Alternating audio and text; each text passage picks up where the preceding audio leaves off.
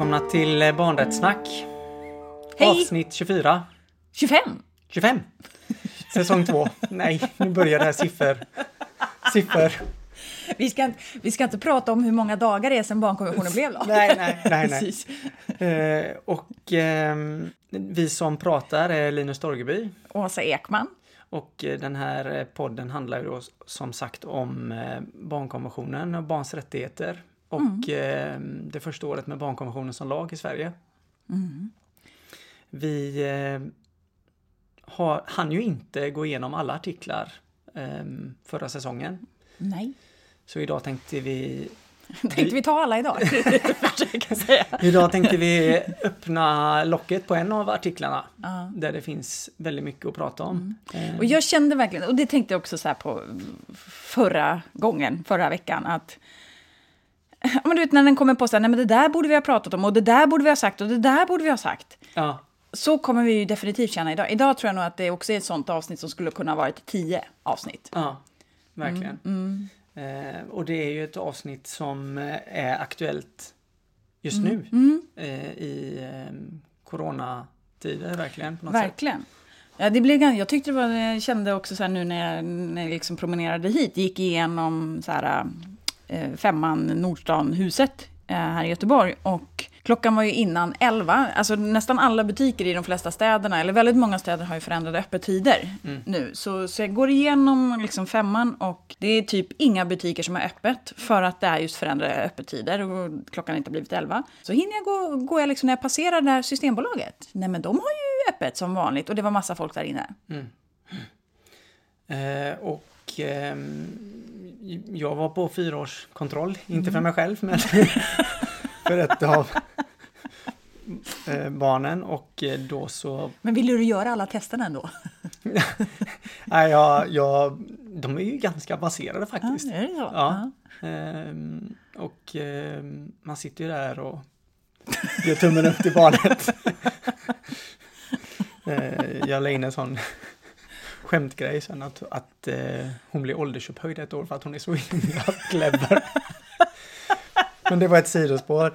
Ehm, hon, eh, och så passade jag på att prata lite med BVC faktiskt efter kontrollen här i morse och prata, frågade lite hur är det nu, hur upplever ni situationen för eh, småbarnsfamiljer eh, i de här tiderna och då sa de faktiskt också att äh, men orosanmälningar har blivit fler och eh, situationen med missbruk och eh, att man dricker för mycket ehm, har aktualiserats och är på riktigt.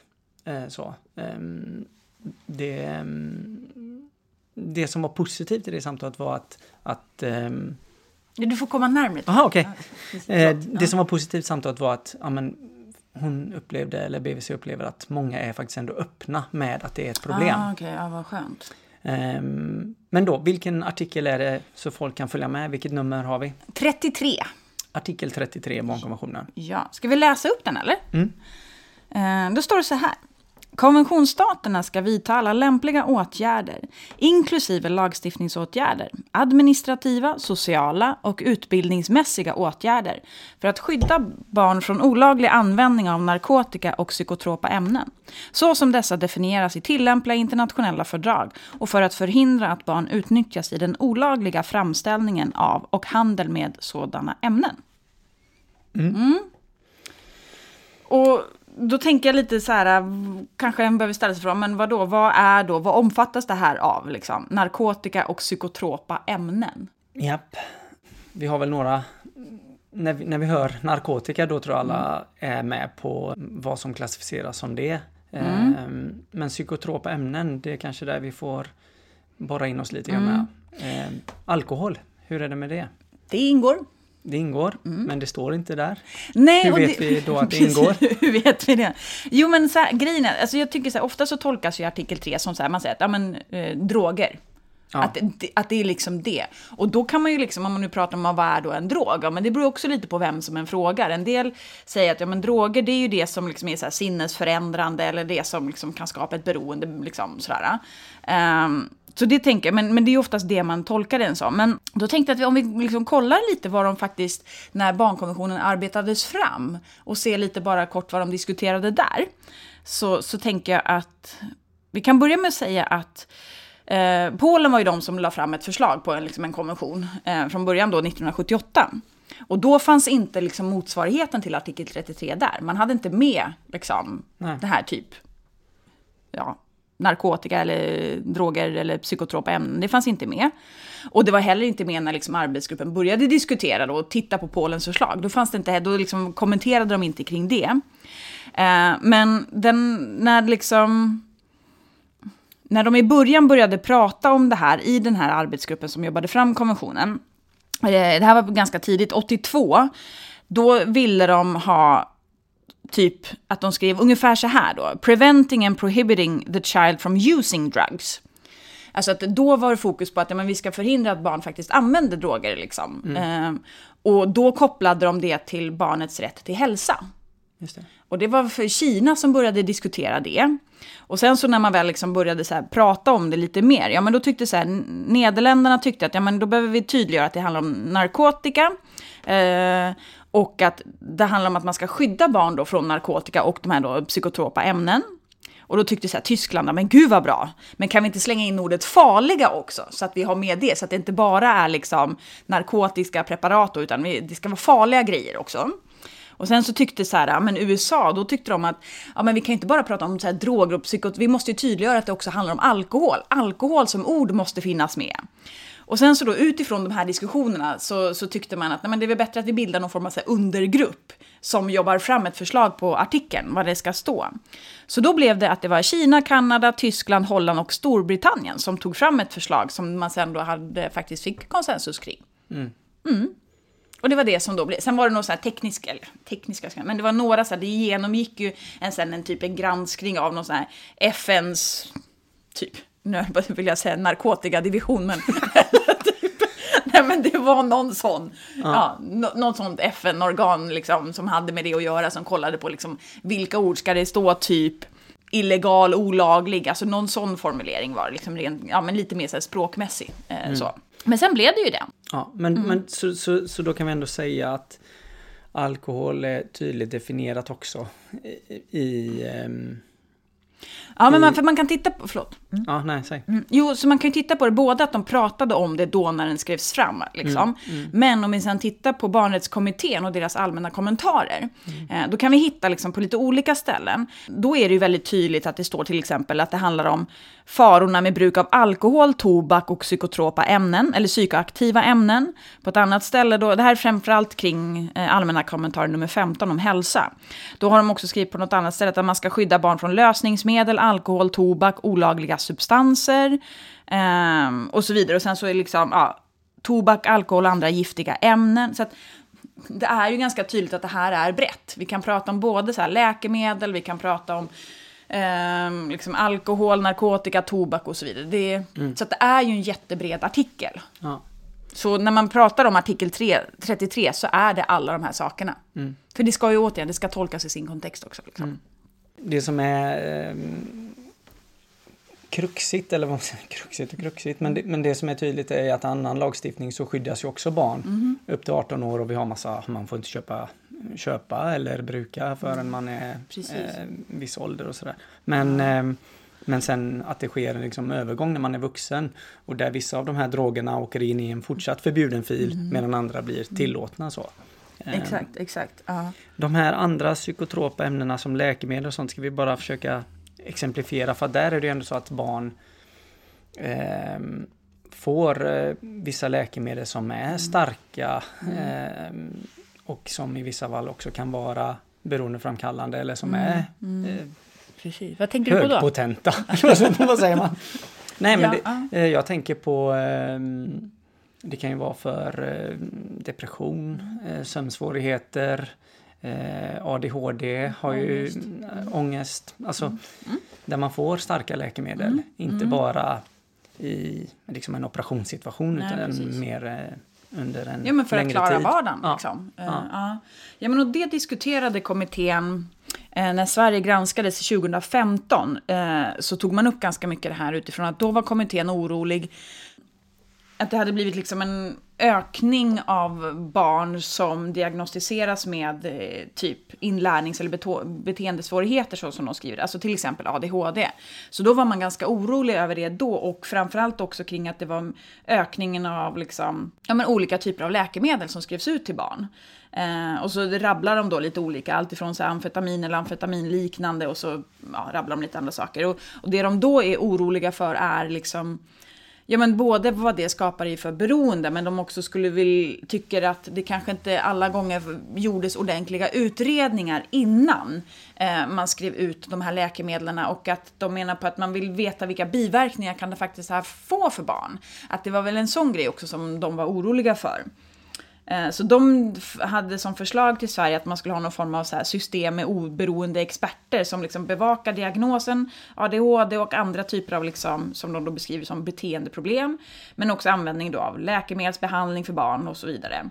Och man vill ha oberoende forskning om de här, eh, om barns psykiska hälsoproblem. De vill ha liksom vetenskapligt beprövad psykologisk behandling, specialiststöd att både lärare och föräldrar prioriteras. Och, alltså, ja, de har liksom rabblat en jäkla massa olika grejer och typ att man behöver ha mycket mer resurser till skolhälsovården för att liksom barn får det stödet som de faktiskt behöver och att det inte då per automatik alltid måste bli lä läkemedel. Ja. Nu kanske jag liksom förkortar den här ja, diskussionen ja. ganska mycket men, men ungefär så. Uh, man var orolig helt enkelt och tyckte liksom att Sverige behöver titta på det här. Mm. Mm. Så då har vi gjort en kort eh, eh, kort bara liksom ringat in vad är det som det handlar om. Eh, mm. Vad stod det sen i artikeln? Eh, att vara utsatt för eller bruka eller Ska vi försöka luska lite i Precis. Jo, men de här man kan olika ju se delarna? Det här, ja, men exakt. För man kan ju se det här på lite olika sätt. Alltså, å ena sidan så kan vi ju se det, alltså barns egna användning eller bruk av de här sakerna. Mm. Vi kan också se det som barn utnyttjas eller används i försäljning och smuggling och så vidare. Mm. Och den tredje barn som faktiskt är anhöriga till andra runt omkring mm. som brukar eller missbrukar. Mm. Så det blir ytterligare liksom några olika ingångar i det. Ja. Eh, om vi börjar på de här då, som är högaktuella. Jag kom på bara en grej till. För det är ett spår vi skulle kunna ta. Ja. Ett annat spår vi skulle kunna ta är ju att det faktiskt står att ja, men vi ska göra alla lämpliga åtgärder, alltså både lagstiftning, administrativa, sociala och utbildningsmässiga åtgärder. Så att jag tänker vi skulle kunna gå grotta in oss vilka lagar är det vi har för det här. Vi skulle kunna grotta in oss i liksom, hur ser utbildningarna ut, vad, liksom, hur utbildar vi så både barn, unga och vuxna i de här frågorna och hur liksom, ingår det i olika typer av så här, föräldraskapsstödsprogram och så vidare. Alltså, Mm. Fattar du vilken... Vi skulle kunna ha en hel säsong om det här. Verkligen. Eller tio. Um, så vilken väg ska vi gå? Ja, nej men vi får eh, börja tassa runt lite grann. Eh, tänker jag. Och så, och så eh, tänker jag att vi också får i synnerhet kanske prata om det här med alkohol som är den vanligaste mm. eh, drogen i Sverige och som barn liksom, mm. som påverkar barns vardag mest i mm. antal barn i alla fall. Oh ja, ehm. Mm, och det kanske vi får ha ett specialavsnitt om så småningom. Mm, mm. Eh, speciellt när vi vill ha in lite gäster och så. Men, mm. men om vi börjar eh, titta kanske på um, barns egna användning. Eh, för där tänker jag genast på det här med drogvaneundersökningar. Ja just det, ja, precis. Eh, som är Hur ganska vanligt. Ja. Eh, men jag tror att de flesta ser ut att barn själva får fylla i ehm, i skolan. Mm. Mm. Man får en enkät Eh, kolla i din kommun hur det ser ut. Mm. Mm. Eh, och så har man liksom ett arbete kring det. Man kanske har en eh, person som är anställd i kommunen mm. som jobbar med ja, de här frågorna. Ja, men det är ganska vanligt. Ja. Alltså typ en folkhälsostrateg, samordnare eller ANDT-samordnare ja. heter de ofta också. också. Um, och som frågar om har du uh, rökt, snusat, mm. druckit alkohol, mm. brukat narkotika och sådär. Så tittar man ofta på liksom um, ah, hur ser det ut och mm. titta på kurvor, har det blivit mm. mer och sådär. Mm. Och kopplat till det, och jag tror ofta de här resultaten presenterar man på föräldramöten och sådär. Sen finns det ju klart att det finns ett glapp. Kommunen kanske har en högstadieskola men inte har en gymnasieskola. Mm. Så att när barnet slutar eh, högstadiet, ofta då vid 16, så faller man kanske ur det här systemet. Ehm, eller faller ur och faller ur, men det här Ja, men kommunens att, kommun, egna... att de bor fortfarande kvar i kommunen men Ja, de precis. mäts inte för de kanske går i skola i en annan kommun. Ja, ja. så, ja. så, så det är ju en sån eh, källa till att veta hur det faktiskt Mm. ser ut. Ehm, Men jag för mig, är det inte så att det generellt, nu kanske jag hittar på, jag vet inte, men jag för mig i alla fall att det ändå är att användningen, ungas egna användning av liksom alkohol, att den har liksom minskat. Mm, Att det är så är färre det. som prövar eller Ja. testar, men de som gör det, de testar mer. Eller har jag bara inbillat mig den sista grejen? Nej men så är det och kopplingen till att eh, har du testat det ena så testar du också det ena och det Ja. andra. Så det här inkörsporten liksom, grejen Ja, är, just det. Ja. är väl Mm. ofta ganska tydlig att den som har gjort det ena har också gjort det andra Mm, liksom. Och, och sådär. Ehm, men, men överlag tror jag att siffrorna ehm, har blivit bättre. Mm. Om man nu ska titta utifrån vad vi vill med, utifrån barnkonventionen. Att vi inte vill att man ska göra det här. Mm. Ehm, så, så att så ser det ut. Sen tänker jag att det är klart att det finns också ehm, andra siffror på som också en kommun har kring ehm, eh, antal barn i mm, ja, hur, hur det ser ut för föräldrarna och, och sådär. Mm, Ehm, så att det är klart att det finns ett underlag som man kan hitta eh, kring barns situation så. Mm. Men det är ju kanske inte den största delen att barn själva liksom eh, far illa av liksom egen användning av alkohol och droger. Eh, eller, eller dopning eller läkemedel och sådär. Nej. Dopning slängde du in. Ja, ja, precis, ja, precis. Ja, men det måste vi... Absolut. Ja, Ja, precis. men det, Det- tänker det- jag verkligen. Och då tänker jag Ja. ju både dopning för att få mycket muskler, eller vad man säger. Mm, mm. Och eh, dopning för att ehm, inte behålla maten eller slippa känna det. hunger Mm, eller mm. eh, ja. s- s- Mm. ja. Men ska vi ändå prata lite om, jag tänker om barns, alltså att barn som påverkas av, alltså barn som anhöriga helt enkelt, barn som påverkas av vuxnas eh, alkohol och droger. mm. Vet du hur många barn det är i Sverige? Det här, det här är en så här jättedum dum fråga att ställa, för att det beror ju på vem, vilken forskningen tittar på och så här, och, och typ, men man brukar ju säga på ett ungefär liksom. Mm. Nej. Eh, 20 procent av barnen i Sverige. Ja. Eh, det är 430 000 barn. Alltså vart femte barn har någon gång i uppväxten haft minst en förälder med alkoholproblem. Alltså man tänker sig 20 procent och att det är 430 000 barn i Sverige. Vad innebär det? Det innebär att vi skulle kunna typ... Jag tycker att det är så, jag som har så svårt för att fatta siffror och sånt, så tycker jag att det är så bra när man jämför med städer. Ja. För att så slå ihop liksom. Så man tänker sig då Malmö, som har typ 315-320 000 invånare. Och så kanske vi slår ihop det då med Umeå och Kiruna, för Umeå och Kiruna tillsammans har typ 100 000. Så Malmö, Kiruna och Umeå, om alla de städerna, så tänk dig det är alla de städerna fast den fyllda med barn. Det är så många barn som påverkas av vuxnas alkohol. Alltså att, eh, eller alkoholproblem ska jag säga, inte bara av alkohol, men är inte det rätt sjukt? Ja. Och jag tänkte när du sa Kiruna så tänkte jag, och Malmö, så tänkte jag att ett barn på landsbygden eller i glesbygden kontra ett barn i en storstad, i en förort. Alltså där ser ju också liksom hur det blir för barnet måste ju också se väldigt olika ut. Oh ja! Alltså att oh, du ja. har, eh, om, om du bor på landsbygden, då kan inte föräldrar skjutsa dig till din aktivitet för att de får inte köra bil. Eh, det var bara det första som poppade upp. Ehm, sen ett barn i, ehm, i en stad kanske blir ständigt vittne till eh, droghandel och ser det också som eh, har förebilder inom eh, de som säljer narkotika och handlar med narkotika och ehm, ett barn lyssnar på Eddie Meduza där man pratar om att supa röga och den andra lyssnar på liksom hiphop rap där man liksom pratar om att röka på och sälja och tjäna pengar och sådär. Det det ser jätteolika ut. Oh ja, oh ja. Eh, Folkhälsomyndigheten kom ju med en rapport eh, för ett par år sedan Eh, där de liksom tittade på, ja men mer liksom där barn som lever i familjer där de vuxna någonstans har fått något form av hjälp eller sådär. Mm. Och då är det ändå så här 17 procent av barnen i Sverige har en förälder som har varit i kontakt med någon om ett missbruk. Alltså att, att föräldern då, eller en av föräldrarna varit på sjukhus på grund av ett missbruk eller haft kontakt med socialtjänsten eller till exempel dömts i domstol för rattfylla. Alltså, och då är det ungefär vart sjätte barn. Så att man tänker sig, alltså det finns ju förmodligen ett enormt mörkertal här. Mm. Och utifrån om man också tänker så här, hur det här påverkar barn. Ja, men det är såklart att det påverkar olika barn på olika sätt. Men att det påverkar barn, det, det vet vi ju liksom. Mm. Allt ifrån med att det är liksom, ja, men riskfaktor för liksom relationen mellan barnet och den vuxna eller de vuxna.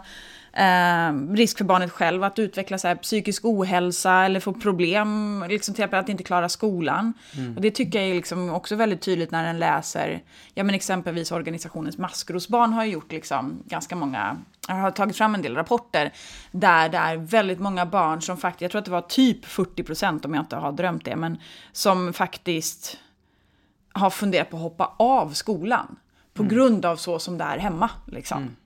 Och att det är liksom över 70 procent som säger liksom att det som är hemma har ju påverkat skolan negativt på väldigt många olika sätt. Och sen såklart att det är också att du kan få, alltså det är en ökad risk för att själv få problem med alkohol och, och droger och så vidare. Liksom. Man blir tvungen att ta ansvar hemma, eh, bli mm. eh, förälder, hålla koll på sina syskon. Mm. Eh, alltså man får inte vara barn liksom. Nej, Nej men eh, exakt. Ja. Det påverkar precis som vi sa, man, man hinner inte i sin tur då med mm. skolan kanske eller klarar inte av att fokusera på skolan. Man klarar mm. inte av och man, man vågar inte och det kan vara ekonomiska aspekter också. Man mm. kan inte få vara delaktig i olika mm. aktiviteter på olika sätt. Ja men exakt. Um, det som ska vara roligt blir tråkigt. Alltså det här med sommarlov och jullov ah, och högtider. Ah.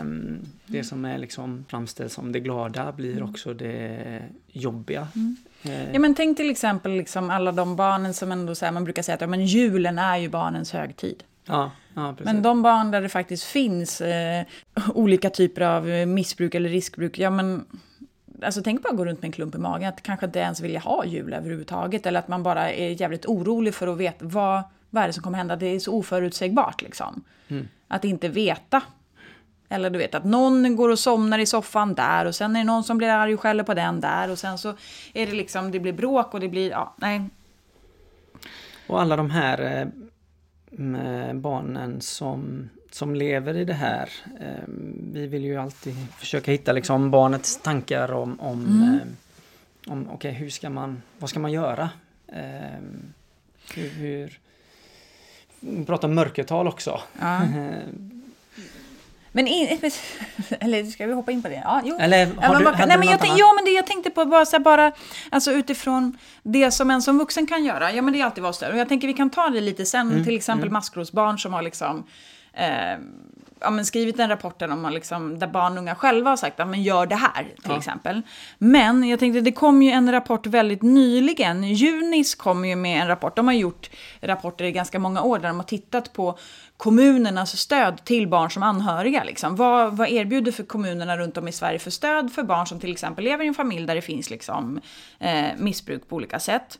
Eh, allt ifrån så här, de har så här, men du vet, stödsamtal, gruppsamtal, kontakt, alltså ja, mm. hela det här paketet. Och, och, det här kom ganska nyligen och det är typ 290 kommuner i Sverige och det hade varit, det är över 200, det var 230 någonting som hade svarat på deras enkät. Och då är det väldigt vanligt att kommunerna, de har något form av typ av stödverksamhet eller snarare hänvisar alltså på sin hemsida och så här. Så att de säger ändå att ja, men det finns stödverksamhet, det är 95 procent som gör det. Och de vanligaste stödformerna är stödsamtal och stödgrupp. Men enligt de här enkätsvaren då, eh, det var 213 kommuner som svarade på den här frågan eh, hur många barn då som har deltagit i de här stödverksamheterna under 2019. Sen kan man inte säga att de vet exakt, för en del kommuner visste ju exakt hur många och en del liksom uppskattade ja, lite ja. så här. Men det var 3244 barn. Ja. Om man då tänker sig att det är, slår ut det på alla kommunerna och att det faktiskt, vi vet att det är 430 000 barn i Sverige som lever, eh, haft en, minst en förälder i uppväxten med alkoholproblem. Mm. 430 000 barn och så är det 3 300 typ som har deltagit i stödverksamheter. Mm. Ja, och jag tänker direkt på att ja, men det här är ju ofta familjehemligheter. Mm. Ja, och det här är ju också, och det är ju inte det att att erkänna att man har de här problemen är ju inte det lättaste. Jag tänker att många vill mörka det och inte Mm. erkänna och många eh, fungerar, många föräldrar har ju jobb och alltså Mm. gör allting så att de här eh, 20 procent, de här städerna, Mm. här sa du 3000 som är där, de här städerna är ju Mm. betydligt mycket Mm. fler personer men så att, så att ehm, barn blir också medberoende eh, Mm. och liksom vill inte visa det här så att man går Mm. runt och tänker att ja, men jag hanterar det här själv. Man springer inte till en stödgrupp det Nej. första man gör. Nej, för det säger ju ganska många kommuner att de har svårt att liksom hitta barn och unga. Ja, ja precis. Mm. Eh, och, det- och det tycker jag också när jag Ja men det här att ja, men förut hade vi en kaktusgrupp eller en kometgrupp. Mm. Alltså för, vi hade det förr men, men i och med också nedskärningar och sådär så, så Mm. drar man ju ner på gruppverksamhet. Eh, och det vet inte jag hur det ser ut nu men det är bara en sån känsla att eh, Men bara där får jag ju då en tanke. Alltså, tänk om du då som barn, att du känner verkligen att ja, men jag behöver ha något form av stöd. mm, Alltså, hur ska jag veta att en kaktusgrupp, att det är stöd för mig? Alltså på Ja, riktigt. ja. Det finns ju ingen, alltså hur, hur ska man som ung hitta det liksom offentliga stödet? Sen det är väl, och det är väl där som, jag- tänker liksom att det är så himla tur att organisationer som liksom Trygga Barnen och Maskrosbarn, Mm. att de ju faktiskt finns. Därför att jag tror att de når ju eh, barn på ett annat sätt. Mm. Liksom. För de har ju också olika typer av stödverksamheter. Ja, det är, det är oerhört viktigt att eh, de här organisationerna på olika sätt får synka sig med kommunerna. För att eh, kommunerna genom elevhälsa och lärare och annat är ju de som ständigt, ständigt möter eh, barnen. Jag tänker i synnerhet på eh, att vi har ett sånt stort land som är glesbefolkat och att, att organisationer behöver hjälp att nå ut på något sätt. Precis, men det är det som jag tycker då till exempel är så häftigt med Trygga Barnen, att de har ju trygga hjältar. Alltså personer runt om i Sverige, i massa olika kommuner som faktiskt är till för barnen. Så att bor du till exempel i Tidaholm, ja men då finns ju en person i Tidaholm att, som kan liksom stötta och hjälpa och liksom guida rätt. Eller liksom eh, visa då Trygga Barnens olika typer av stöd. Så att jag tänker det är ju, så det är så viktigt men det är, man måste ju jobba med varandra också. Liksom. Ja. Alltså det är det, kommunen har ju kanske helt andra typer av resurser än, än Trygga Barnen och Maskrosbarn till exempel som ju är ideella föreningar liksom. Jag blir Men- alltid glad när jag ser på bibliotek och i skolor att det finns riktiga rejäla anslagstavlor Mm. där det står svart på vitt. Ha- finns det här problemet hemma, ring oss, gör Ja, det. Alltså, alltså att, att det på något sätt äh, att det är verkligen synligt för barnen. Mm. eh, Att det finns hjälp och det finns stöttning att få. Så. Mm.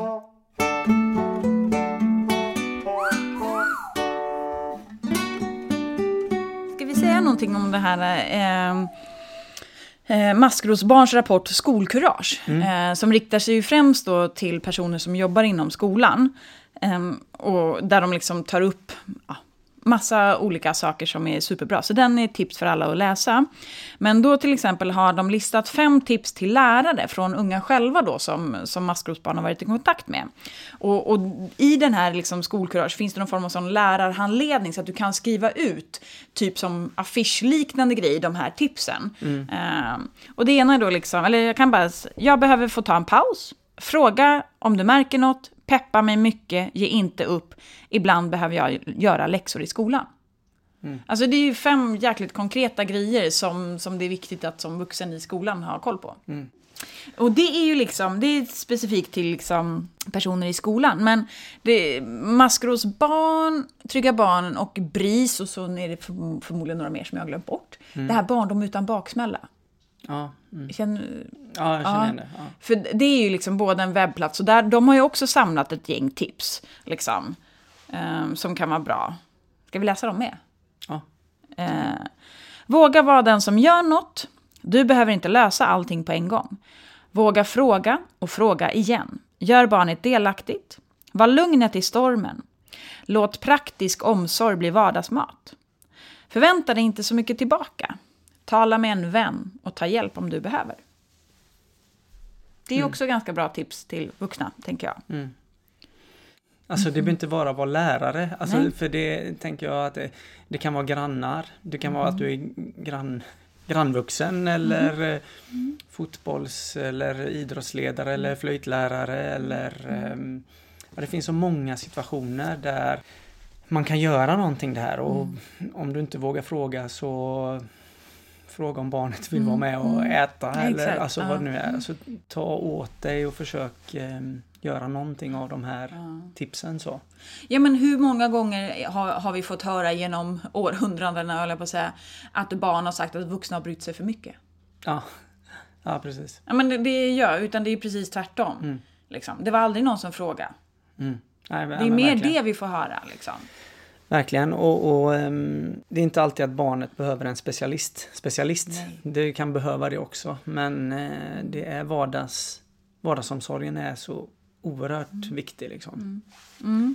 Ska vi runda av på något sätt? Jag vet inte, vad, vad, vad har vi sagt egentligen det här avsnittet? Jag kan inte berätta om en sån sjuk grej som jag såg på TV. Ja.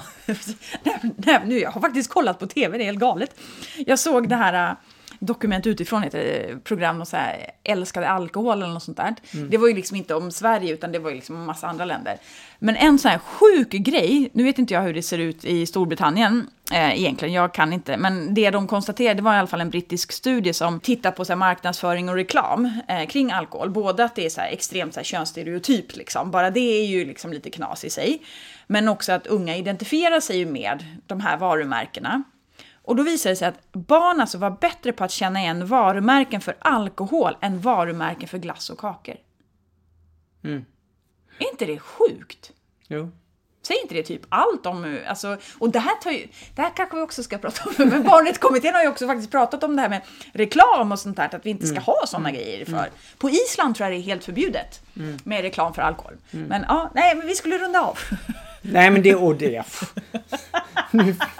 Öppnade vi Går något du, här nu? öppnar du Pandoras box. För det är också där man, vi- vilka program kollar man på TV? Ja. Alltså man tänker det här med eh, jag vill inte nämna några men sådana här reality såpor där ehm, vuxna som ändå är kanske nyss har varit barn som får åka någonstans och sen får fri tillgång till alkohol och som streamas eh, gratis på olika kanaler. Och det sitter man och kollar på då är det klart att alltså det, det, är, det är inte reklam men ändå reklam. Ehm, så att det är ju nej, energidrycker kom det in i. Det står inte med, det fanns inte när barnkonventionen Precis, skrevs. precis, precis. Men det är ju också det åldersreglerat. Jag Ja. tänker, det finns ju av en anledning. Ja. Så. Men ska vi summera på något sätt? Det här har ju handlat om liksom artikel 33, vi har Ja. skrapat lite på ytan. Eh, men det är inte specifikt enbart liksom narkotika, eh, som kanske många tolkar det som, utan Mm. det är ju väldigt mycket bredare. Eh, vad ska vi säga, vad, vad har vi för, har du någon slutkläm? kan du dra till med något? Nej men eh, jag vill... eh, Det finns ju verkligen så många delar att, att prata om och jag vill verkligen att vi bjuder hit någon senare i höst som, som pratar med oss ännu mer om, om just alkohol. Ehm, Oh ja. För jag tänker också att när vi ser att okej, vad händer nu i framtiden? Hur blir det med arbetslöshet? Alltså vad, vad kommer hända? Eh, och också titta ännu mer på eh, ja, men vilken stödverksamhet behöver finnas runt om i alla kommuner som har ansvar för tycker socialtjänst just och barn att det ska behövas Ja. för typ av stödverksamhet. Ja, ja, men Precis. exakt. Ja. Ehm, Så att ehm, vi lägger det på listan och som vanligt har ni någonting som ni funderar på eller vill att vi tar upp kring detta ämnet så, så hör av er via Insta eller på mail. Mm, barnrättssnack. Barnrättssnack. Mm. Ehm, nej, men vi ehm, säger eh, tack för idag och i nästa vecka då utlovar jag en sak som vi inte har varit med om tidigare. Och ska jag bli nervös redan nu? Du, jag kom, ja, det, du, det kommer kanske bli lite jobbigt nästa vecka. Ah! För då eh, börjar vi närma oss skolavslutningar. Och Oh då- no. Säg inte att jag ska behöva sjunga något. Nej, men du är och luktar i rätt kryddhylla så att säga. Nej, jag vill inte. Okej, Åsa, då rundar vi innan vi... Åh, Ballar jag blir helt svettig. Och så eh, kolla in drogvane, drogvaneundersökningen i din kommun och Mm. eh, eh, ja, hur, hur ser det ut hemma hos dig? Eller hos er? Hej! Hej hej!